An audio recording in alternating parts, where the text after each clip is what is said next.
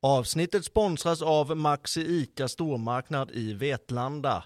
En redig stormarknad med kunden i fokus.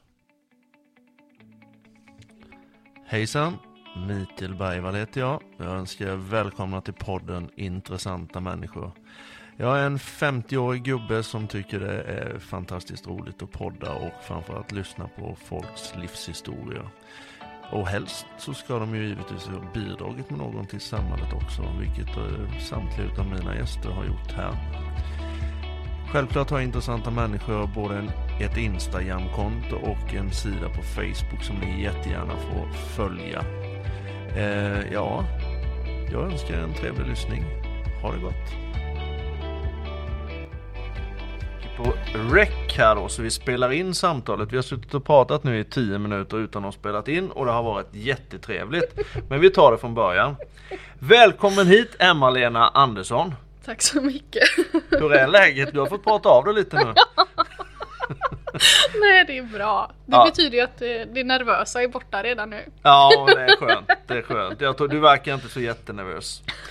Vi börjar som vi började sist. Årets byggkvinna 2021. Jajamän. Hur kommer det sig att du blev det? Eh, ja, det börjar ju med eh, vad ska man säga? Eh, byggföretagen och Byggsandra och några till tyckte att det var på sin plats att eh, visa upp eh, kvinnor i branschen som förebilder. Och då eh, frågade de efter nomineringar och då vad jag vet så har jag fått minst tre. Eh, spelar du in? Ja, jag spelar in. Jag spelar in. Det är lugnt. Jag har fått eh, minst tre nomineringar och sen så lyfte de upp tre personer då som de tyckte var värdiga den här utmärkelsen. Eh, och bara det är ju stort i sig att jag blivit nominerad och även blivit upplyft. Men sen att jag vann hela grejen, det var ju sjukt. Ja, det och det har jag ju gjort för att det företaget jag jobbar på då hjälpte jag ju med det bygga upp det systematiska arbetsmiljöarbetet och um, Det är det SAM står för alltså? Oh, Fick precis. jag lära mig. Nu kom jag på, jag bara såg det framför mig. Det är det det betyder. Ja, det mm. betyder det. Mm. Och trygg plåtcertifiering. Uh, och sen uh, så är jag ju mycket ute i sociala medier och besöker skolor och sådär och pratar om hur viktigt det är med förändring i branschen. Och nej, men visar även på hur viktigt det är med ställningar, alltså säkerhet, eh, arbetsmiljön, att alla ska bli, känna sig värnade om, om sig liksom. Av, eh, av vad säger man, cheferna och mm. ledarna. Mm. Eh, och att man måste förstå att alla personer är olika.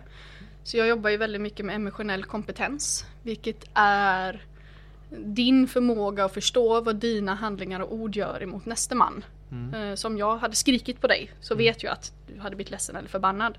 Mm. Däremot hade jag pratat på ett lugnt sätt och har lärt känna dig så pass så jag kan prata så du förstår. Mm. Då tar du in det på ett helt annat sätt. Det är en utbildning som många behöver gå. Ja, och den eh, har ju jag också. Jaha, du utbildar i det Mm. Okej. Okay. Det gör jag. jag vet några stycken jag skulle kunna skicka till dig på en gång då. det är bra. Ja.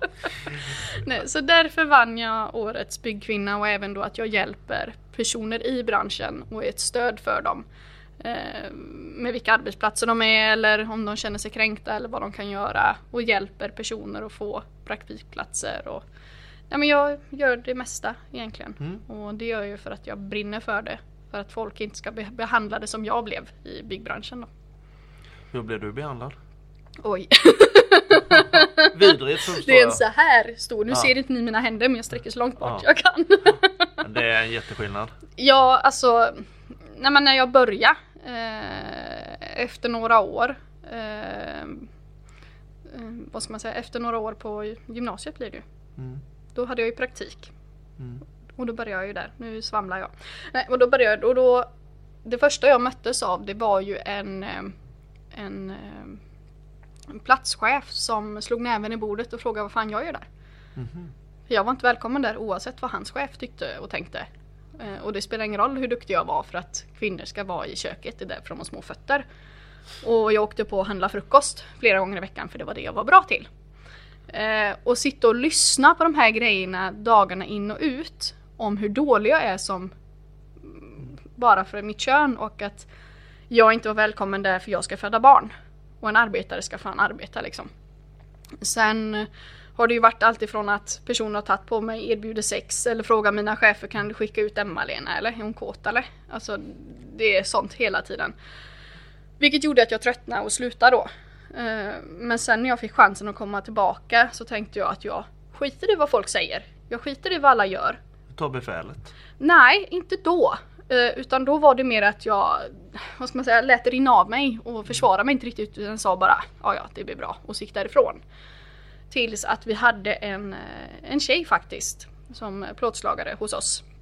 Och då hände det en incident när jag var eh, arbetsledare. Men då sa den andra arbetsledaren till mig att ska det här verkligen försiggå? Du måste ju säga stopp annars gör jag det. Nu får du tänka på att hm, hm, hm jobbar här också. Mm. Uh, och vill du att hon ska bli behandlad på det sättet, det blir hon ju om inte du stoppar det. Där hände min förändring. Vilket ja. har gjort att jag försöker jobba för hela branschen då istället. För att jag är en person som sätter mig själv åt sidan alltid. Men när jag hjälper andra, hjälper mina barn, hjälper min man eller jag kan inte säga nej och jag brinner för det, jag tycker om det. Mm. Men att ta vara på mig själv på det sättet, det gör jag inte. Eh, men nu har det blivit så automatiskt som att jag hjälper andra och har lärt mig om att och även pluggat på att hur man ska bemöta folk. Har är det där det... du kör den här utbildningen med blivande platschefer och sånt där också då? Försöker ja och det är ju för, för alla mm, Det är även för medarbetarna för du ja. måste ju kunna lära känna din kollega också. Ja, ja det är klart. Mm. Men du, eh, innan vi går in på eh, ditt liv från första början så måste jag bara fråga. Märker du någon attitydsförändring ute på arbetsmarknaden nu? Eller blir det värre och värre eller blir det bättre? Eh, vad ska man säga, det är två skalor. Ja. Ena sidan är fack för förändring. Och det förstår mm. jag. För mm. hade jag sagt till dig att nu gör du fel. Mm. Så hade du blivit kränkt när du känner att men jag gör inget fel. Jag är en jättegod kille liksom.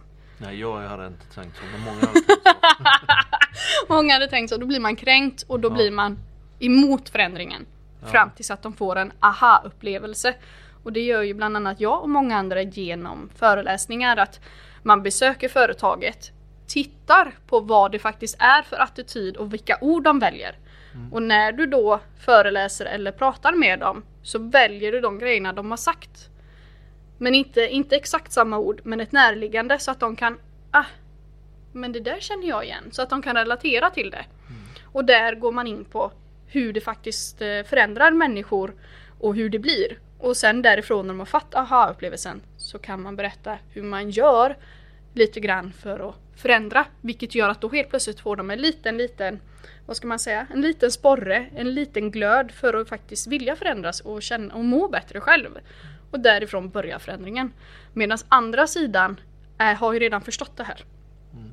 Så att de är ju för förändringen Eh, men ofta är ju de naggande på de andra.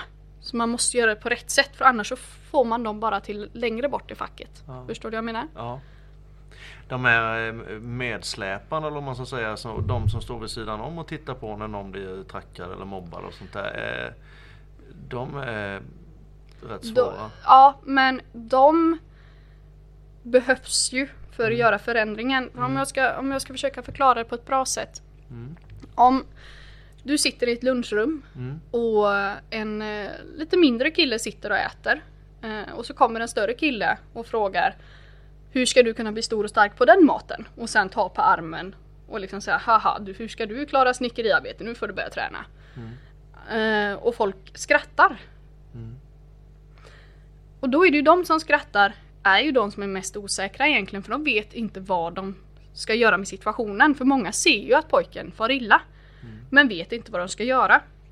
Eh, och då, även de som sitter tysta och de som skrattar betyder ju att de visar pojken att det här, att han är helt själv i detta. Att han får må dåligt i det här själv. Istället för att att alla de personerna som är osäkra och inte vet vad de ska göra ställer sig upp och säger Vad fan snackar du för skit? Lägg av! Mm. Helt plötsligt så får han stöd och den killen som gjorde fel blev tillsagd och då blir han grinig. Men hellre att han blir grinig. Mm. För han var ju som gjorde fel. Det var ju inte killen som satte åt. Han har ju inte bett om att någon ska ta på honom och säga att han är smal. Nej. Nej. Det är nog en sån sak som väldigt många inte tänker på tror jag. Nej, så att sitter man tyst så visar man den personen som gjorde narret Ja. att det är ett stöd. Även om det inte är ett aktivt val man gör så Nej. blir det det indirekt för att personen i fråga känner sig själv. Jag brukar vara sådär lite ibland själv kommer jag på mig nu eh, när jag är på gymmet. När jag ser de som inte orkar lyfta så mycket bänkpress så brukar jag alltid håna lite. Men det är mellan killar. aj, Det är inte bra alls. Nej, Eh, Det ska jag sluta med nu. ja det är bra. Eh, nu fick du en aha! titta, titta, titta! sen får jag Vad fick du nu? Ja nu fick jag en upplevelse. Alltså nu, nu, Nu fick du en ja, aha, en och nu aha, vill du ja. förändra. De som är på mig hugger för att jag är för gammal att vara det då. Ska jag... Men det får jag ta. Men Nej. det bjuder du ju in till själv. Ja men det, det var det första du gjorde när jag kom. Ja, ja. ja det är klart. Nej men det blir väl så. Det, det är små saker och små detaljer som egentligen är jävligt viktiga som man skrattar bort ofta som, är, som kan såra folk väldigt mycket. Ja, Helt klart. det är många säger ju inte heller ifrån när de blir utsatta. Men de mår ju dåligt över det. Ja. det. Jag hade ju inte direkt skrattat och varit glad över det. Nej. Utan jag har känt att antingen att man måste göra något eller att man går och tänker när man kommer hem, fan vad ful jag är. Vad hade du gjort i den situationen när den här grabben ifall det hade kommit in den här storväxta mannen och tagit han på armen och sagt så som du precis beskrev? Vad hade du gjort? Ja, det är ju lite olika hur det hade varit alltså, Ja. stämningsmässigt. Ja. Men jag hade ju i alla fall rest på mig och sagt att det där var inte okej. Ehm, och sen beror det ju på vad han hade svarat. Att ja, men det var bara roligt. Vad tyckte du ja? Men jag tyckte inte det var roligt. Han tyckte inte det var roligt. Även om han kanske säger det nu.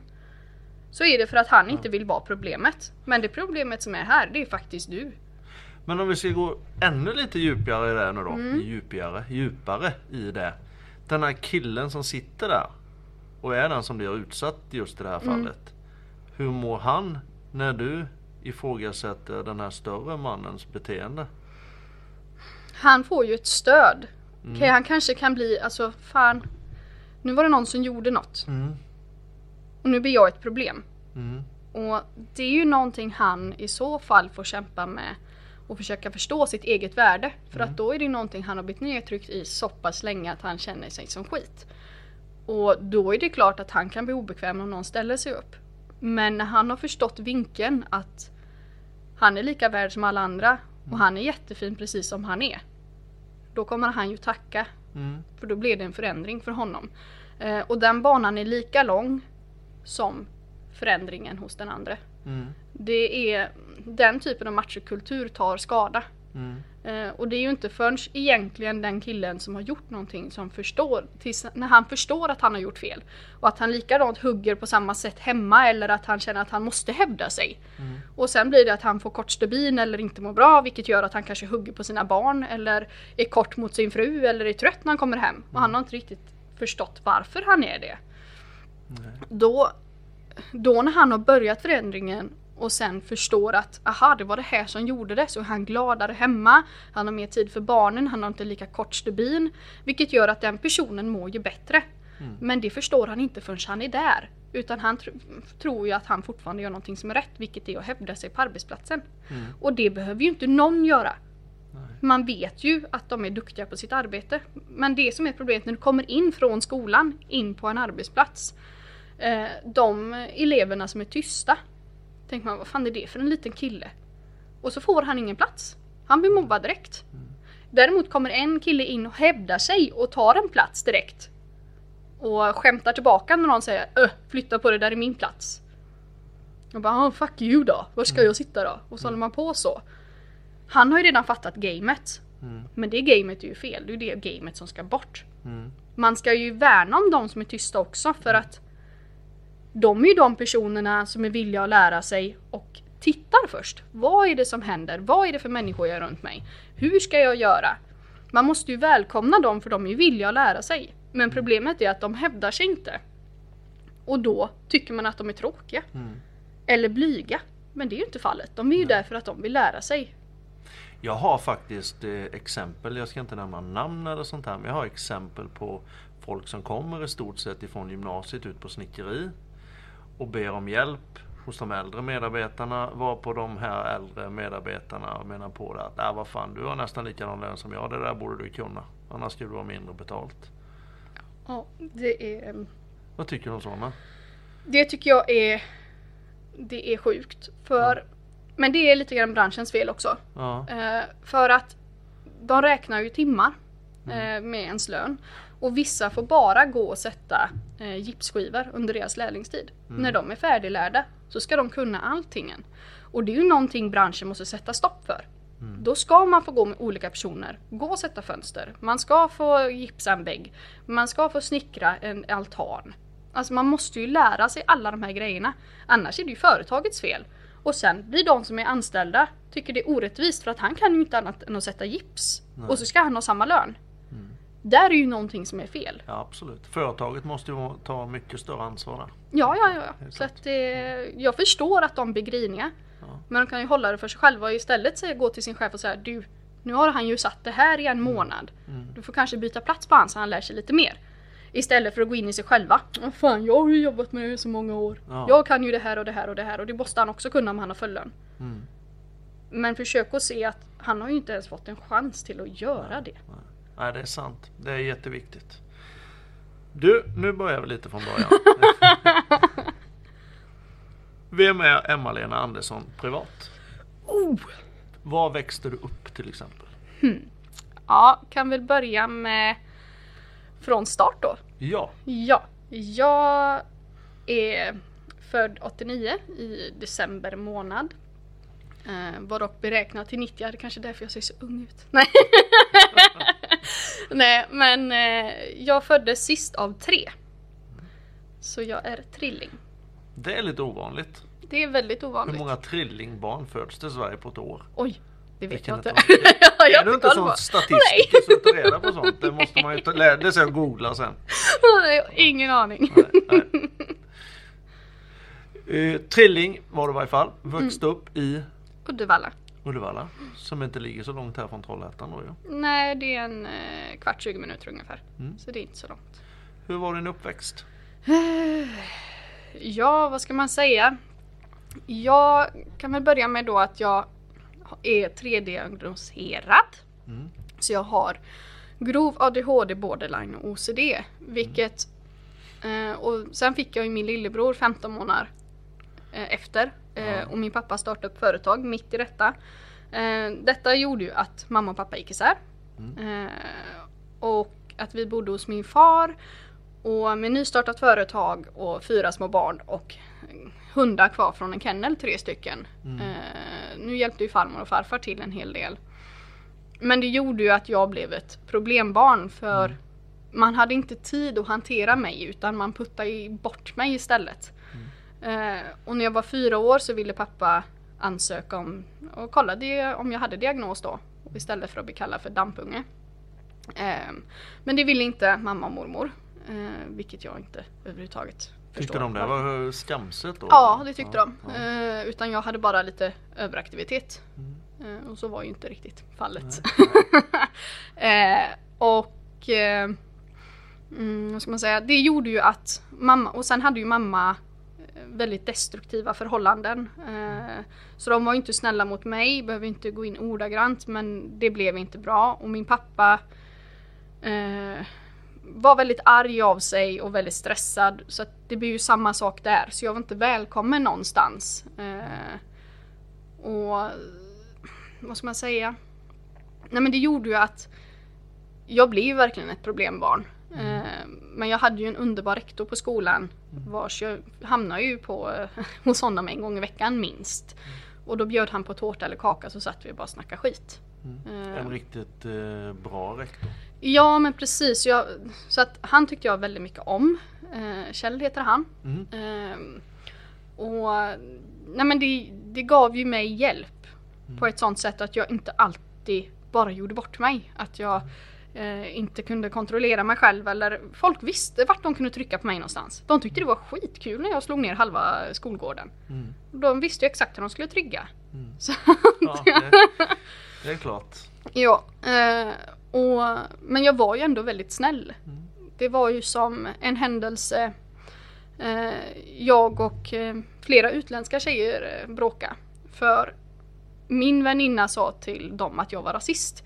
Vilket jag tyckte var väldigt konstigt för vi hade alltid umgåtts. Och jag sa det till dem, men ni förstår nog väl själva att jag inte är det. Ja men hon säger att du är det. Ja men jag är ju inte det. Vi har ju umgåtts i alla år. De vill ju bara mucka eller någonting, jag Ja, vet inte vad som hände. Men det slutade ju med att jag slog ner tre av dem och den sista fick jag kämpa med och då öppnade, då hängde jag mot dörren. Hon var väldigt stor. Och hon slog mig och matade mig i ansiktet och revben och grejer. Jag kom inte loss. Jag tänkte nu är det kört. Ja. Ehm, men då öppnade min, min lärare dörren så att dörren fall inåt. Ja. Ehm, så att ja, det slutar ju med tre sprickor i revbenen och sprucken läpp och krossad, eller vad ska man säga, käken ur led och grejer. Oj. Ehm, så den knäcker fortfarande än idag. Åh. Du var en sån riktig fighter då? Ja, det var jag. Jag var inte snäll. Men omgivningen skapar ju det också. Det fanns Ja. ingen som hjälpte mig liksom. Ehm, och eh, Ja men nu ska vi se. Ja. Och det visade sig att en av de här familjerna s- bror hade gjort någonting så de var på väg och kanske skulle bli utvisade ur landet. Och då kunde ju det här då ste- vara stenen i kistan för att de inte fick vara kvar. Ja okej. Eh, och det var ju inget allvarligt så han hade gjort. Eh, men de var väl på prov eller någonting ändå. Eh, det var en stor familj och de hade jobb och de skötte, alltså de var suveräna. Inte fan ska de tillbaka liksom. Eh, men då slutade det med att socialen fick komma dit och vi fick sitta ner på möte så fick de fråga allting som har hänt då. Men då sa jag ju att ja, men allt är mitt fel och liksom tog på mig allting för att de skulle få stanna kvar i landet. Och då slutade det ju med kramkalasen och föräldrarna grät och tackade och sådär. Så jag var ju inte dum i huvudet. Nej. Nej. Nej. men, men man kunde trigga mig. Det kunde man göra. Ja. För jag sa ju det att jag är inte detta, varför lyssnar du inte? Och sen går de på mig, det är klart som fan att jag blir arg. Ja. Ehm, för det var ju det som var mitt största problem, att aldrig bli trodd. Nej. Nej. Eh, och det spelade ingen roll, mina syskon utnyttjade att jag var djävulen. Hade någon snott pengar ur pappas plånbok så sa ju de nej. Men jag hade ju inte gjort det, det var ju någon av mina syskon. Då fick vi sitta en timme tills någon erkände. Till slut så sa jag att ah, men det är jag. Och så fick jag ett straff på en vecka. Och de andra var tysta? Ja, för de visste att jag kommer ju, komma, jag kommer ju säga att det var så. Mm. Men det var ju inte så. För att jag ville slippa straffet och liksom Jag var ju vansinnig på mina syskon. Ja det förstår jag. Hur Men sen när jag fick reda på vem det var så tiden? sa jag ju inte. Det här var när jag gick i sexan eller sjuan tror jag. Det är bråket. Typ 13, 14 år någonting. Ja. Ja fy fan. Kom det in några droger och sånt med då? Det var Nej. ju lätt att det gör det. Jag var faktiskt för feg, tror det eller ej. Jaha, du var det? Ja. Ja, det var jag. Eh, nej, jag har alltid varit väldigt emot droger. Mm. Eh, och det är ju någonting, jag har ju som sagt OCD, vilket Mm. betyder att man har ett, ett extremt kontrollbehov. Man har tvångstankar och tvångshandlingar. Mm. Eh, och det har ju gjort att jag inte har kunnat dricka och såna här grejer, för när jag drack då, Ja. eh, jag drack ju några gånger, Ja. och då tyvärr visste jag inte hur mycket man skulle dricka. Vilket betyder att jag tappade kontrollen och fick panik. Mm. Så att det har ju på ett sätt stoppat mig för att testa saker och göra grejer. ja du måste vara eh, med matchen hela tiden om man säger så. Ja men precis. Och det, för det har ju hänt grejer när jag har. Liksom, Det har ju bara blivit värre då. Mm. Eh, och det, det är ju som med tvångshandling och tvångsbeteende och tankar och såna grejer. Det är ju eh, Jag hade ju jätteproblem med det till exempel att eh, jag fick en tanke att shit om, inte den, om den bilen hinner förbi mig innan jag springer fram till den stolpen och slår i den minst tre gånger Ja. I en viss takt. Eh, så kommer någon i min familj dö inom en vecka. De flesta gångerna hann jag ju. Mm. Men när det inte hände, då hade jag ju sån dödsångest och trodde verkligen att någon i min familj skulle dö. Så att de här, det, den, den negativitet jag hade i min uppväxt Ja. eh, gjorde ju att jag ehm, fick fixidéer och fick, alltså jag skapade andra diagnoser. Obehandlad ADHD och trauma i barndomen du kan ju utslå i borderline och tyvärr har jag ju fått den. Och det önskar jag ingen på denna jord. Jag älskar den ibland. Men för oftast hatar jag den för att det, den Det betyder att du kan inte kontrollera känslor. Ehm, det är ju en, vad ska man säga, personlighetsstörningssyndrom. Mm. Ehm, om någon, ja men om eh, till exempel eh, min kille säger till mig eh, Jag älskar dig. Mm. Så beror det på vilken dag. För det är inte alltid jag tror på honom. För då blir jag så här, varför skulle han älska mig för? Jag trycker ner mig själv och inte förstår att jag har något värde. Och när jag älskar honom innerligt Om jag kramar honom så blir jag inte mätt. Jag vill typ öppna hans bröst och gå in i där. Mm. för att jag är inte nöjd. Nej. För jag kan inte hantera de känslorna jag har. Och skulle jag till exempel göra mig i ordning, klä upp mig på morgonen och han säger att, och inte säger att vad fin du är. Så går jag resten av dagen och tror att jag är ful. Mm. För han, gav, han sa inte att jag var fin. Då måste jag ju vara ful. Okej. Ja. Du tänker alltid det värsta hela tiden. Ja, precis. Det, det låter som mig vardagsvis. Jag är inte diagnostiserad borderline men, men eh, min fru tror att jag kanske har det. Mm. Och bipolär, hon tror nog att jag har de flesta i och för sig. Men om vi, om vi går in på, vi börjar med ADHD. Mm. På vilket sätt yttrar sig ADHD hos dig? Oj. Eh, nu ska jag säga, som att jag har grov ADHD så Ja. betyder det ju att när jag var liten Ja. så hade jag ju överaktivitet i kroppen. Jag kunde aldrig vara still. Jag eh, satt som på nålar. Jag störde alla andra i klassen. Jag utsatte mig för faror hela tiden. Jag var tvungen att ha adrenalinet. Eh, och så hade jag även den kvinnliga sidan. Vilket, för det är den pojksidan brukar man säga. Ja. För tjejer, det är väldigt ovanligt att tjejer har den. Eh, och vice versa. Eh, tjejer Men har ADD oftast... eller hur Nej nej nej, det är Nej. något helt annat. Ja, ja, väl det. Eh, ADHD för tjejer yttrar sig oftast som stress i hjärnan. Att man inte kan, tankarna går så fort. Eh, så du kan inte processa dem och att det är väldigt enkelt att avbryta någon när någon pratar eller man fortsätter meningen för folk eller alltså det går för fort att man kan bli uttråkad när någon pratar. För att man vet redan vad de ska säga. Så om en person säger till mig och har sagt någonting fyra gånger så har, idag har jag fortfarande jätteproblem med att lyssna färdigt. Men jag kämpar ju och gör det. Men jag, när jag var mindre så var det liksom smack, det gick inte. Eh, och de här två, både med hjärnan då eh, och eh, överaktiviteten i kroppen. Eh, och som att den inte har släppt. Många växer ju ifrån så att den blir lägre. Eh, men mina båda sidor sitter ju kvar och är väldigt starka. Har gjort då att jag har väldigt hög poäng ADHD då. Eh, och det yttrar sig ju i att eh, ja, brinner jag för någonting än, så går jag fullt in och gör detta. Eh, däremot har jag ingenting att göra. De flesta personer älskar ju det. Men det blir en stress för mig så att jag kan gå in i väggen. Har jag inte mina rutiner, har jag ingenting att göra så blir, mår jag psykiskt dåligt och går in i väggen. Medan har jag för mycket att göra så mår jag väldigt bra. Eh, men sen är det klart att det kan bli för mycket också och då kraschar man. Men då får det gå en stund. Eh, men vad ska man säga? Det yttrar sig väl i att Ja, men en generell uppfattning är väl i regel ja men du har ADHD, att man är stimmig och jävlig och bråkig och busar och härjar. Det är väl den generella uppfattningen om, om någon som har ADHD. Ja, vi kan säga så här. Om en person står och borstar tänderna, om jag står och borstar tänderna. Så kommer jag på Shit, det ska jag laga till middag. Den måste jag ta upp. Jag måste ta upp kött, köttfärsen. Då kan inte jag stå kvar och borsta mina tänder. Utan då är jag redan på väg ut. Nej, jag skulle borsta tänderna. Gå in igen. Fan, tvättmaskinen släpper tand... Nej, jag ska borsta tänderna. Fan, då tänker jag på det hela tiden. Dun, dun, dun, så att jag inte får glömma det. Ja just det, jag måste fylla på toapappret för det har gubben glömt. Eller barnen eller något. Och så Ja. står jag med tandborsten och den här toarullen igen. Nej! Jag borstar tänderna nu! Och när jag släppt tandborsten så har jag glömt alltihopa. Ja. Så då är det så här, vad var det jag skulle göra nu? Det var någonting, jag var på väg ner mot köket. Just det, då går jag ner mot köket. Ah just det, jag skulle ta upp köttfärs. Fan det är disk på bänken, ah, det måste jag plocka in. Alltså, Så håller jag på så. Mm. Vilket betyder att när jag åker till jobbet, hälften av gångerna, så måste jag stressa för jag vet inte var jag har lagt nyckeln. Fast jag lägger den på samma ställe varje dag. Är inte det väldigt eh, ansträngande? Jo. Men är det, där, det är där liksom varför du måste ha rutinerna? Alltså du har fasta rutiner varje morgon när du går upp alltså? Ja, men det är inte bara för eh, alltså själva eh, att man är virrig eller kan vara. Nej. För du är väldigt strukturerad också. För du lägger ju upp allting i plan. Och det gör du ju också även via rutinerna då. Eh, men rutiner för mig betyder allt. För om jag till exempel tänker på massa grejer.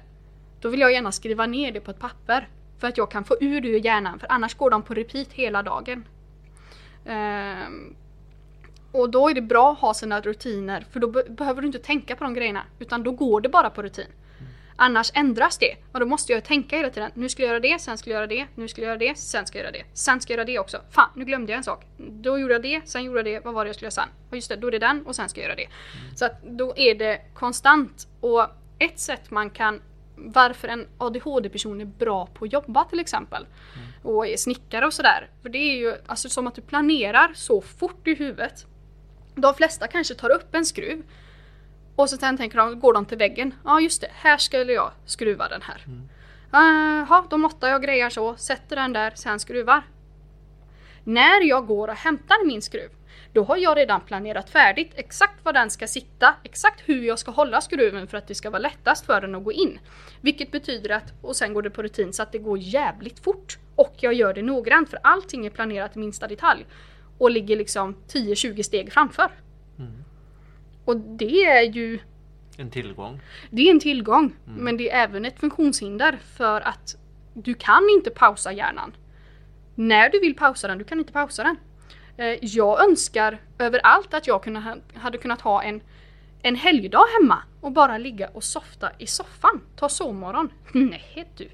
Det går inte. Nej, nej, nej, jag får ju ångest. Då känner jag att jag har slösat en, ett, mitt liv är ja. förstört för jag har slösat en dag. Um, och jag har legat rastlös och skakat benen och inte mått bra under tiden. Um, och då är det bättre för mig att, ja ja, men då gör jag massa saker. Medicinerar du för det eller? Du jag har gjort. Ja. Uh, är det Elvanse man tar? Till? Jag började med Ritalinet. Ja. Uh, jag gick in på högsta dos ganska fort som att mm. jag har väldigt hög. Mm. Uh, men det funkar inte för mig. Nej. För det första rasar jag ner i vikt, det gör många. Ja. men sen blir jag kroniskt trött. Och jag vaknade inte tidigt på helgen och det var Det passade inte för mig, det var inte, alltså vara kroniskt trött. Det är ju ingenting man önskar någon. Nej. Och jag som alltid har så mycket energi. Jag vill inte känna att jag inte orkar med mitt eget liv ens. Eh, utan då var jag fullt funktionerande på arbetet på dagen. Och sen började jag rasa när jag kom hem. Eh, så då slutade jag med den och så bytte jag till Elvanse. Mm, och det var samma sak där, det funkar inte riktigt. Eh, men nu är jag, väntar jag, som att jag flyttar till Lilla Edet en liten stund. Så var jag ju på den vårdcentralen och gjorde alla de här grejerna, uppstarten och sådär. Men de har ju stängt ner. Och tydligen skulle jag ha fått en lapp som inte jag har fått att jag skulle skriva ut min journal. Eh, och när de stängde ner så får inte Uddevalla sjukhus tag i den journalen. Så jag vet inte, så nu sitter jag ju i väntelista igen för att komma in. Och sen vet jag inte om jag måste börja om allting och det hoppas jag inte. För då kommer jag hata svenska staten. mm, men din journal, har du inte den på 1177? Nej. Nej. Alltså inte den typen av, Nej, det är okay. ju alltså jag, ja, vissa saker är ju låsta. Ja, just det. Och om jag hade sagt till Uddevalla och skrivit under eller sagt att det är okej okay ja. för dem att hämta journalen från Lilla Edet så hade de fått göra det. Eh, men som att inte jag gett dem tillåtelsen och Nej, de stängde ner så är det ingen som får tag Nej, i dem. Okay. Ja, det var ADHD i varje fall. Om vi då går in på OCD. Ja. Mm. Vad är det? Eh, det är ju kontrollbehov, mm. eh, tvångstankar och eh, tvångsbeteenden. Det var det vi pratade om innan. Ja, ja precis. Så det Gubben kan ju ibland reta mig. Jag tycker inte det är roligt för Nej. att det blir ju en störning och det har han ju förstått idag så att Men det var väl kul för han i början att står grejerna fel på bordet så ändrar han dem när jag gick ut och sen när jag kom tillbaka så ändrar jag tillbaka dem automatiskt utan att tänka på det. Avsnittet sponsras av Maxi ICA stormarknad i Vetlanda.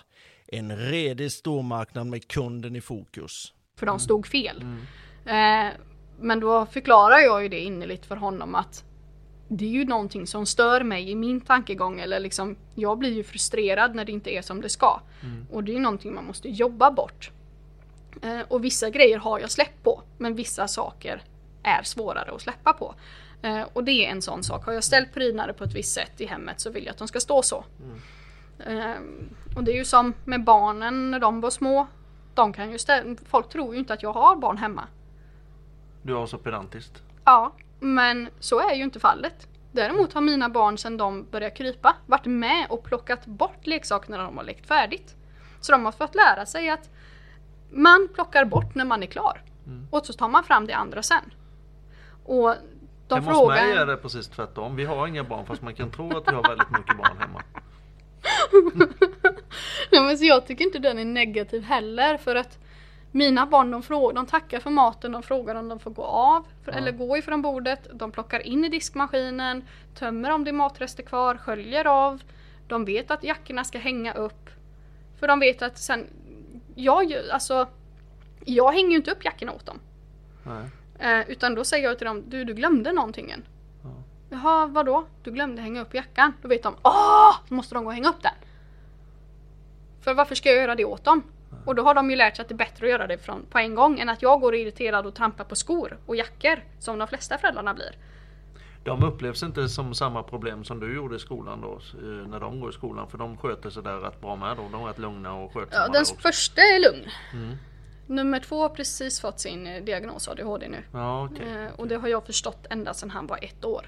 Man känner väl sånt som förälder kanske? Ja, och tyvärr så tror jag han har fått borderlinen. Men det är en diagnos man inte får diagnosera förrän man är 18 år. Nej. Så jag hjälper han på bästa sätt jag kan. Och jag blir väldigt ledsen när jag förstår hur han känner. Mm. Om jag säger att jag älskar honom som jag gör tusen gånger om dagen. Så säger han nej mamma det gör du inte. För han tror inte på det. Och det gör så ont. Berätta lite. Jag är väl insatt i borderline. Mm. Men eh, berätta eh, för de som inte vet vad det är. Ja det är ju en störning i personlighetsdragen. Mm. Så det har ju en förklaring varför jag ändrar mitt hår. Tusen gånger på ett år. Varför jag har typ fyra olika klädstilar i min garderob. För att man känner sig aldrig hemma i sin egen personlighet. Eh, du flackar emellan olika personligheter. Eh, du har ju en grund att stå på. Min är ju det här energiska, jag är glad, jag är nära till skratt och de här grejerna. Men sen är ju även en personlighet vad du har på dig, eh, vad du vill hitta på för någonting. Eller om du är intresserad av att umgås med din familj eller vissa vänner. Ena dagen kanske jag vill umgås med den personen för det känner jag att oh, men det här är kul. Så jag har ju vänner som är helt olika kategorier. Ja. För att det är lite grann, ja men det här vill jag hitta på. För, för stunden. Ehm, och sen så kan ju många personer vara. Men det man, det man kanske har svårt att förstå det här är ju att det är extremt. Ehm, och så här, hade jag kläder på mig ena dagen så kände jag mig hemma i det. Skulle jag sätta på mig det dagen efter så hade det bara varit såhär, nej fan, jag vill inte ha skatekläderna på mig. Vad fan är jag helt knäpp eller? Vad tänker jag med? Nej jag ska ha mina bohemkläder, det känner jag mig hemma i. Alltså det är två så helt olika stilar. Ja. Och jag kan rata dem dag efter dag.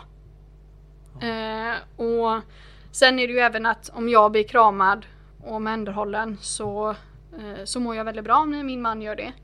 Men skulle han sen vända humöret eh, så tror jag inte att han älskar mig längre. Det går så pass fort. Och som att jag haft en svår uppväxt. För när man väljer en partner så väljer man ju det man känner sig bekväm med. Och då väljer man ju det man har haft. Det är därför man ofta får partners som är som sina föräldrar. För att om du ska hitta någonting annat så måste du våga pröva på någonting nytt. Och det är väldigt sällan man gör det. Man, gör det, man tar, väljer det som känns bekvämt. För man tror att det är bra för en. Och för många är det bra. Men för vissa är det destruktiva beteenden. Eh, min pappa har till exempel aldrig sagt att han älskar mig. Eh, Det finns då- en pappa till som aldrig gjort det. Ja, det finns många tror jag. Nej, och det har ju gjort att jag då hittat partner vars inte visar kärlek överhuvudtaget. Vilket har gjort att min borderline har gått i taket. Att jag har känt mig... Nej men jag kan inte hantera det. Jag, när jag var yngre så kastade jag glas i väggen när vi hade ett bråk. För jag, jag kunde inte hantera någonting, det blev för starkt för jag kände mig så hatad. Och då spelade det ingen roll om de säger att de tyckte om mig. Men ändå var det någonting jag kände mig hemma i. Och då vågar jag inte gå ifrån det. Och då blev det långa förhållanden. Men nu för, vad blir det? Eh, lite över ett år sedan så tog jag ytterligare ett steg i min personliga utvecklingsresa och det var att förstå. Eh, för då såg jag likheter i den killen jag hade med min far. Eh, det var några incidenter som var det sjukaste jag varit med om. Eh, om att bli nedtryckt. Eh, Jag kan inte gå in på detaljer för det är inte snällt emot honom. Nej. Men det gjorde ju att jag då började förändra även mitt tänk. Och även gentemot min far då. Eh, och det gjorde att jag blev starkare och förstod att jag måste pröva på någonting nytt. Att jag, jag sitter fast i den här spiralen. Och vi hade ändå kämpat länge jag och han. Eh, och jag gjorde personlig utvecklingsresa. Och jag försökte få honom till att göra det. Men jag kunde inte nå honom. Och när jag väl nådde honom ibland så hade han glömt det två dagar senare. Och det blev ju bara jag tröttnade på det. Så till slut så vågade jag ju ta steget gå ifrån honom. Och då var jag jättestark, jag klarade mig själv, jag, eh, jag hade bra ekonomi, jag, nej men jag hade koll på mina barn. Nej men allting gick bra liksom. Jag hade bra jobb och jag vill inte ha någon kille i mitt liv. Eh, inte förrän jag var redo för en förändring. Och då tänkte jag att jag skulle vara singel i tre år åtminstone. Men så blev det av en slump att jag träffade en kille. Ja. Och han var likadan, han skulle vara singel, han skulle inte träffa någon liksom. Eh, och det som med tjejer är när man går ifrån någon. Man har ju redan gått ifrån killen för ett år sedan. Man, har, man känner ju ingenting när man väl går ifrån. Nej. Det är ju liksom bara, jag redan gått vidare. Killen får smällen i ansiktet och då börjar han sörja. Eh, fast han har fått varningar innan så brukar det se ut. Eh, så jag var redan färdig med honom. Men det var ändå, vad ska man säga? Han var någonting som jag behövde. Eh, han är extremt snäll, han lyssnar på vad jag berättar, hur min borderline fungerar, hur min ADHD fungerar.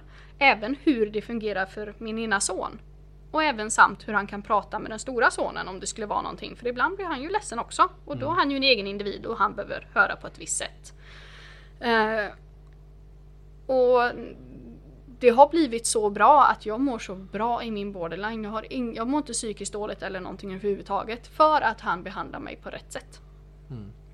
Så det är ju, och det är Ja, ju det samma är sak med förändring i byggbranschen. Ja. När man fattar, gör någonting igen, Ja. du kommer må så jävla bra sen.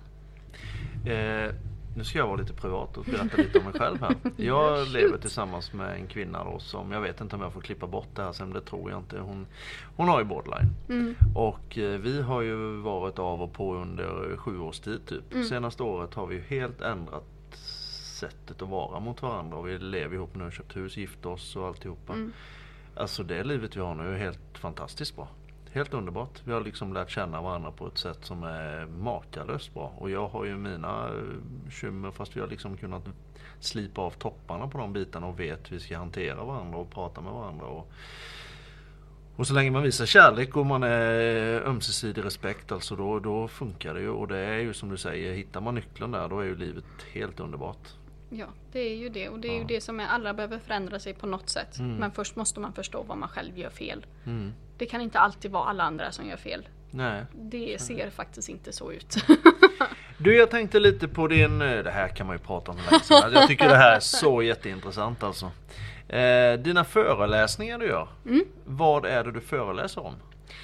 Det beror ju på vad företaget vill att jag föreläser om. Mm. Men det är ju inom arbetsmiljö och även förändring då och jämställdhet och sådär. Ja. Eh, Det är ju några företag som till exempel ska anställa en massa tjejer nu.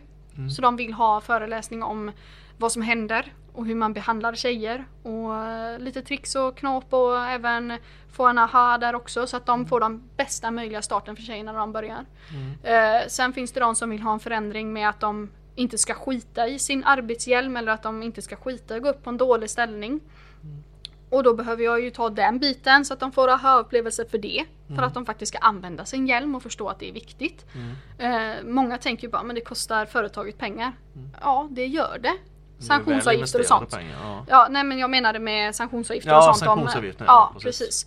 Och många tror att det är därför de gör det. Mm. Men det är ju inte det utan det är ju för att de vill värna om sina anställda. De vet att de har en familj att komma hem till. Mm. Eh, De företagen som stressar ihjäl sina arbetare och inte hjälper till. Det är ju fel företag. Mm. Det är ju ett maktbegärt företag. Mm. Och där är det ju väldigt många som tänker att nej, men jag går upp på det här taket och jag gör ditten och datten för att de får ju höra att de duger ju inget annat till. Nej. Du ska vara glad att du har ett jobb. Mm. Det här kostar pengar. Mm. Så att de, får, de känner sig dåliga och tar vara på sig själv och då blir ju det en kultur i ett företag Mm. och även för personen. Och när de sen byter för, eller arbetsplats så sitter de här dumma rutinerna kvar. Mm. Eh, och de är väldigt ingrodda. Och då på något sätt så måste man ju förändra det. Eh, sen kan det ju vara med arbetsmiljö, om hur man behandlar varandra. Mm. Eh, och till exempel emotionell kompetens om hur man själv kan göra en otrolig personlig eh, utvecklingsresa. Eh, för det handlar ju mycket om det. För att emotionell kompetens det betyder att du ska få ordning på kaoset i hjärnan. Jag slog till exempel folk på armen så, dö, hela tiden. Mm. Jag vet inte varför, men jag gjorde det. och enda sättet för mig att stoppa det, Ja. det var ju att komma på vad är det jag gör innan slaget? Jo, jag spände till min hand. Ah, då kan jag ju stoppa mig när jag spänner handen. För det, impulsen, den, den är omöjlig att stoppa. Mm. Men om jag känner efter att ah, nu spände jag handen. Nu var jag på väg att göra något. Nej, stanna kvar här. Du får komma ner och föreläsa för alla bondlurkar hos mig i Småland för det gör man alltid så. Ja. Men du, hur mycket föreläser du på skola? Jag tänkte om din bakgrund, din uppväxt, dina diagnoser. Du borde ju vara ypperlig att prata i skolan. Ja men det gör jag. Ja. Eh, Men det är ju inte om mina diagnoser men däremot så pratar jag ju lite grann om vad som har hänt mig och vad Ja. jag kan ha satt in mig för dumma situationer. Ja. Eh, För att, att de ska förstå att de inte är själva. Och det har gått bra. Mm. Eh, Jag lever, jag är ändå rätt framgångsrik. Mm. Alltså på det sättet jag vill vara. Jag Ja. mår gott, jag har ett gott liv. Jag hade ju i och för sig ett bra jobb nu då. Nu Ja. ska jag ju söka nytt jobb. Ja. Men, och det är viktigt för mig att det är rätt jobb. Men Vad är rätt jobb då? rätt jobb. Det är en eh, arbetsplats som jag trivs på. Mm. Eh, Där man behandlar varandra på ett bra sätt, man lyssnar, man tycker det är viktigt med säkerhet, eh, man är ett gott gäng på rätt sätt. Mm. Ehm, och inte rädda för förändring och sådana grejer. Eh, och liksom växa tillsammans. Det är Mm. för mig jätteviktigt så att man kan trivas på arbetsplatsen. Eh, Men har du inte företaget med dig? Du är ju ett företag. Varför, varför kör du inte eget? ja, jag är rädd för att köra eget. Men sen känner inte jag att det är någonting jag vill jobba med heltid. För det är ju Nej. någonting jag brinner för och vill hjälpa en bransch. Ja. Eh, Det var som när jag var en kortis, en, eh, jobbade som konditor och bagare. Mm. Jag tröttnade och gjorde det aldrig hemma sen. Det förstörde ju den här... eh, Man tjänar alltså- bra med deg. Nej men det, för, det förstörde den här brinnande för det blev Ja. ett måste. Ja. Nu kan jag ju eh, hjälpa dem jag vill, Mm. De som behöver mig på rätt sätt, eh, de jag känner att det är bra att hjälpa. Eh, så att det här är ju någonting jag vill göra vid sidan. Mm. Eh, men många företag älskar ju min energi som jag har. Och även tycker du att men du brinner väldigt mycket för Miab när du pratar om det. Ja, men jag är sån som person. Frå- Frågar man mig om mina kajaker så kan du fan få se för att jag brinner för dem med. Ja, de får vi inte glömma. Vet du att jag ska faktiskt om nästa vecka ska ut och paddla. Jo, I, vad var det? Undrar om det var här i närheten tror jag någonstans. vilken Eh, Jag måste ju, måste ju ta reda på det bara för jag ska kolla här lite snabbt under tiden. Mm. Eh, då är det som så att jag ska till eh, mm, mm, mm, mm, måste jag säga. Bildal. Ja, det är Göteborg. Ja, Göteborg. Ja, men jag ska dit och paddla i varje fall. Havskajak. Nice. Ja, första gången. Kan man väga 104 kilo och komma i en sån kajak? Det beror ju på vilken kajak det är för att mina har ju maxlast på 90 tror jag. Jag skulle, jag skulle, jag tänkte, jag har alltid velat fallskärmshoppa och då var det, och fast jag är livrädd för höjder. Mhm. Men sen tänkte jag då att jag skulle göra ett sånt där tandemhopp. Oh. Ja, då sa de det. Ja, maxvikten var typ 90 kilo tror jag. något. Eller 100 kilo. Ja, men om man väger det där. Nej, men det är nog ingen fara. Så jag skojar, det är nog ingen fara. Så jag, jag fick ställa in det. Jag, jag får se. Vi får sätta mig i bastun eller vad jag. Men berätta lite. Hur kommer det sig att du blev så fascinerad utav kajak då? Nej men eh, jag, ända sedan jag var liten så har jag varit med i Friluftsfrämjandet och så. Så att det är ju lika mycket för vandring, vara i skogen, tälja, laga mat på öppen eld. Eh, och mina havskajaker har jag ju velat ha ända sedan jag var i tonåren. Mm. Men i tonåren som sagt hade jag inga pengar, jag blev utslängd, jobbade som en dåre vid sidan av skolan, fick knappt ihop till hyran. Eh, och sen blev jag gravid när jag var 20 år eh, med min första son. Mm. Eh, vilket gjorde att jag blev mammaledig. Och sen eh, efter ett halvår så blev jag på tjocken med lillebror. Ja, okej. Första mensen eller något sånt. Ja. Eh, och då hade jag inte råd att köpa dem. Sen gick jag ju ifrån pappan och då jobbade jag deltid på Byggmax bara. Eh, och jag hade ingen som kunde passa mina barn så att jag fick ställa in varannan vecka när jag jobbar kväll och varannan helg. Mm. Så det betydde att jag hade typ 9000 i inkomst och 6 och 2 i hyra. Mhm. Kan ju räkna matten själv. Ja, ja, det blir ju inte, blir inte jättemycket pengar över. Nej, så att eh, när det var väldigt tuffa år Mm. och då hade jag ju som sagt inte råd med mina kajaker utan då blev det att jag kanske hyrde någon för en dag istället. Mm. Eh, för där höll jag ju på med i Friluftsfrämjandet och paddla och så då och tälta ute på öar och greja.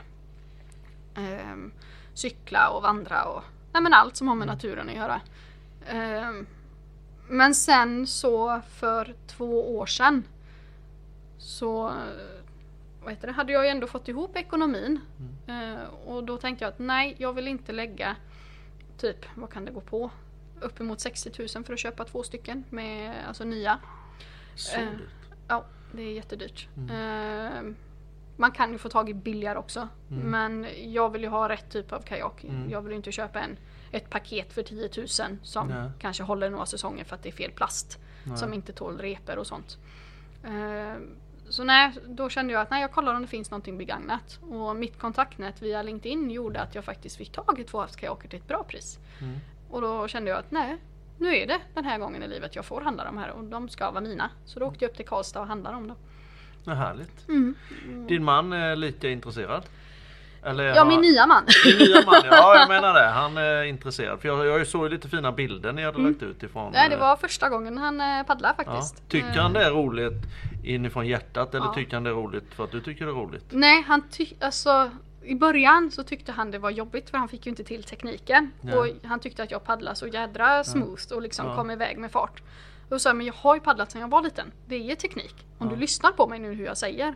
Först så satte han sig ju fel i kajaken och på att välta runt när jag sagt att sätt dig på det här sättet. Då tänkte han att nej men jag är ju på mitt sätt ändå så höll han på att välta runt. Jaha, okej. Sen så förstod han, sen började Ja. jag lyssna. Ja. Anledningen till att jag frågar är därför att jag har fått veta att jag tycker det är roligt att åka till stallet nämligen. Men, eh, men eh, jag tycker faktiskt det är rätt avkopplande när man Ja. tänker till lite. Men det är mysigt att åka till stallet och Ja. mocka lite skit. Ja, det kan det vara. Men det är väl härligt det där med kajakerna. Men är det ett sätt för dig att liksom eh, ja, rensa tankar? Ja eller vad man men ska om vi säga? säger som så här att jag, jag kan inte springa i naturen. För när jag springer så springer jag eh, 3 km på 11 minuter. Mm. Det är inte att jogga. Nej. Nej, det är att stressa halvt ihjäl mig för att det går i ett sånt dumt tempo. Eh, det spelar ingen roll om jag har musik eller vad jag har. Jag ökar min hjärnas kapacitet. Ja. Så att det går för fort så jag blir stressad och får ångest när jag springer. Eh, gå fort kan jag göra i alltså, dagar. Det är Mm. inga problem. Eh, men att paddla och cykla, det är samma sak där. Då har jag ett jämnt tempo eh, och kan lyssna in naturen och samla mina tankar på att titta på saker för det händer grejer hela tiden. Mm. Ja, där kom en fågel och där var lite fiskar och där hör jag naturen. Och, Mm. eh, och vattnet, när det är lugnt, ja men då kan man bara glida på det. När det är eh, mycket vågor, ja då får man kämpa lite. Alltså det är en sport som varierar sig. Eh, Vilket gör att jag kan hålla kontroll, eller vad säger jag? Eh, inte kontrollen, jo det är med. Men, Mm, Ja, ja, men, men eh, förmågan att vara koncentrerad på det Ja. för att det händer grejer. ja. Men ändå är det lugnt. Vilket gör att jag samlar mina tankar och är lugn. Mm. Och det finns inte så mycket saker som gör det. Men kajakerna är en av de grejerna. Mm. Så för mig är det jätteviktigt att komma ut ibland och rensa mina tankar. jag förstår det. Och jag sa även det till honom att jag har ju vänner som tycker om att paddla. Så tycker han inte om det så behöver han inte vara med. Men eh, lika barn leka bäst. Eh, han är inte diagnoserad men jag ser ju det när jag ser det liksom. Mm. Ehm, och det tog en och en halv dag kanske innan han fattade tekniken och då började jag njuta av turen. Och då förstod han charmen med det. Och när vi skulle åka hem sa han, vad paddlar vi nästa gång? Ja, Och då smälte hjärtat lite. Ja men det förstår jag. Det förstår jag verkligen. Och han är ju också väldigt mycket för naturen och så. Men han har ju ett intresse som jag ska pröva på. Men jag kan inte lova att jag kommer fortsätta med det. Nej. Nej, det är ju att dyka. Jaha. Ja. Det ser väldigt härligt ut. Ja, det gör det. Och jag tror att det kanske kan gå bra för att jag har kläder på mig när man dyker. Så skulle någonting simma in i mig eller skulle vara någonting så behöver jag inte få panik. För här är ju kontrollbehov. Mm. I havet, eh, om du hoppar i det eller någonting, saker, du, du har inte kontrollen, det kommer saker på dig. Jag klarar inte av det. Eh, Medan uppe på ytan som en kajak så paddlar jag och håller kontrollen själv. Men jag kan inte sitta i en motorbåt. Nej. Nej, för då har inte jag kontrollen på samma sätt och då känner jag ah, ångest. Mm. Sen jag tycker, tycker det är en charm i det också.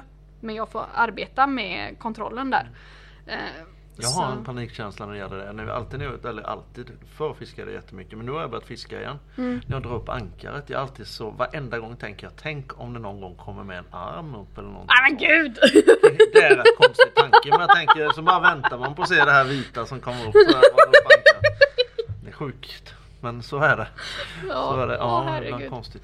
Men du, vi måste prata lite om dina tatueringar med och det som gör dig ja, som jättefin. Verkligen. Jag tycker att tatueringar är väldigt fascinerande och det har ju regel en historia. Förutom mina då som är kladd bara överallt. Men eh, hur kommer det sig att du började tatuera? Du är tatuerad typ överallt. Ja. Ja, halsen och armarna. det. Ja, jag förstår det. Vi pratade om det där med halstatueringar eh, sist. Jag sa gatan ont ja. gjorde. Ja, det förstår. Men vad har, har du några historier du vill eh, berätta? Ja, jag kan ju ta den eh, bit jag har på halsen. Eh, när jag höll på med de här grejerna som jag gör i byggbranschen så snappar ju eh, Isobetong upp detta. Ett underbart eh, företag. Eh, och Kigge han eh, utsåg mig till deras Ant Queen. För de har ju arbetsmyra som på loggan. För att han tycker att det jobbet jag gör är fascinerande och, och han blir väldigt inspirerad och så. Och han inspirerar ju mig lika mycket den gubben liksom. Men han han eh, utkallade mig till Ant Queen och så fick jag en rosa hjälm, eh, limited edition, eh, från Gardio. Så jag blev jätteglad. Ja. Eh, och sen på det sättet har det ju blivit att jag varit Queen i byggbranschen. Eh, och då blev det sådär att, ja men Construction Queen kan jag ju inte vara. Alltså så. Ja. Men eh, alltså många gånger blir jag ju kallad för honeybee. Eh, och sen så tycker jag ju om djur väldigt mycket. Mm, mm. Och då känner jag att men på något sätt måste jag ju tatuera att jag är en fucking queen. ja, ja, det är klart. och vad är då bättre att tatuera på halsen än en bidrottning tänkte jag. Nej. Så det är ju liksom Ja, den är jättefin. eh, Construction Queen betyder den då. Ja, Mm. skithäftig. Sen har du på armarna, du har sliv där på vänster. Eh, ja, och det är nästan klart på höger, lite Ja. yta. Men eh, ja, den jag har på bröstet är ju Frans Bulldog och det är ju för båda mina Frans Bulldog. Den ena har tyvärr gått bort när han var två. Okej. Eh, eh, och sen är det för mina barn, har ju deras namn tatuerade och lite grejer. Mm. Eh, men resten är typ min tatuerares konst. Mm. Jag är ju väldigt förälskad i konst och det här med plåten som jag sa, det är som ett smycke på taket. Alltså, jag är väldigt Mm. Jag hade så. lite tankar om sådär, målar du eller Ja, skriver du? Sk- Jag skriver, eh, målar, syr, pysslar, bakar, ja, du är estet alltså, du är Ja. estet. Ja. Jag håller på väldigt mycket och det är allt ifrån nåltovar till att svetsa en stol som ska klättra växter Ja. på. Eh, Så jag är väldigt mångsysslare och jag Ja. tycker väldigt mycket om konsten. Eh, Så då har det blivit att jag säger till Petter, vad, vad tycker du hade passat här? Och så tittar han på resten. Ja men det här kanske. Ja men det låter skitbra. Mm. Och så bokar vi in det och så Sen så när han frågar mig, nu gör han inte det längre, men när han frågar mig vilka färger vill du ha så tittar jag på honom som att han vore dum i huvudet liksom. Mm. Ja just det, det är din konst Petter, inte min. Och då får han välja själv för att jag går ju till honom för att jag tycker om det han gör. Ja. Och det är ändå väldigt konstigt för att jag har jättekontrollbehov. Ja. Men som att jag litar fullt på min tatuerare och tycker att det han gör när han får leka själv Ja. blir bäst. Så jag Ja. bara, varsågod. ja. Så det... Eh, jag önskar jag hade- Jo men jag har en tatuerare som jag har Fast jag, jag har blandat lite Bland tatuerarna ja, Vi behöver inte prata om mina tatueringar. De har som sagt ingen eh, speciell Ja vissa saker har väl lite historia bakom sig. Men de flesta tror jag inte har det. Utan man gör kanske en först som betyder någonting och sen så blir det bara att man vill ha mer och så. Jag har en väldigt ironisk i varje fall. Watch and learn. ja, What the fuck. ja precis precis Du, jag tackar dig så jätte, jättemycket för att du ville vara med på den Är tiden redan slut? Ja, jag tror Herregud. det. Vi har pratat eh, över en timme nu. Oj oj oj. Så det är, jag ser knappt, jag måste ta på mig Jo, då har vi gjort det. Eh, Fantastiskt, vi skulle kunna sitta och prata hur länge som helst tror jag. Ja. Är det något vi har glömt? Nej, jo. Mm. Att du som lyssnar, du är lika vacker idag som du var igår. Perfekt. Perfekt. Tack så jättemycket. Tack själv. Sköt om dig. Avsnittet sponsras av Maxi ICA stormarknad i Vetlanda. En redig stormarknad med kunden i fokus.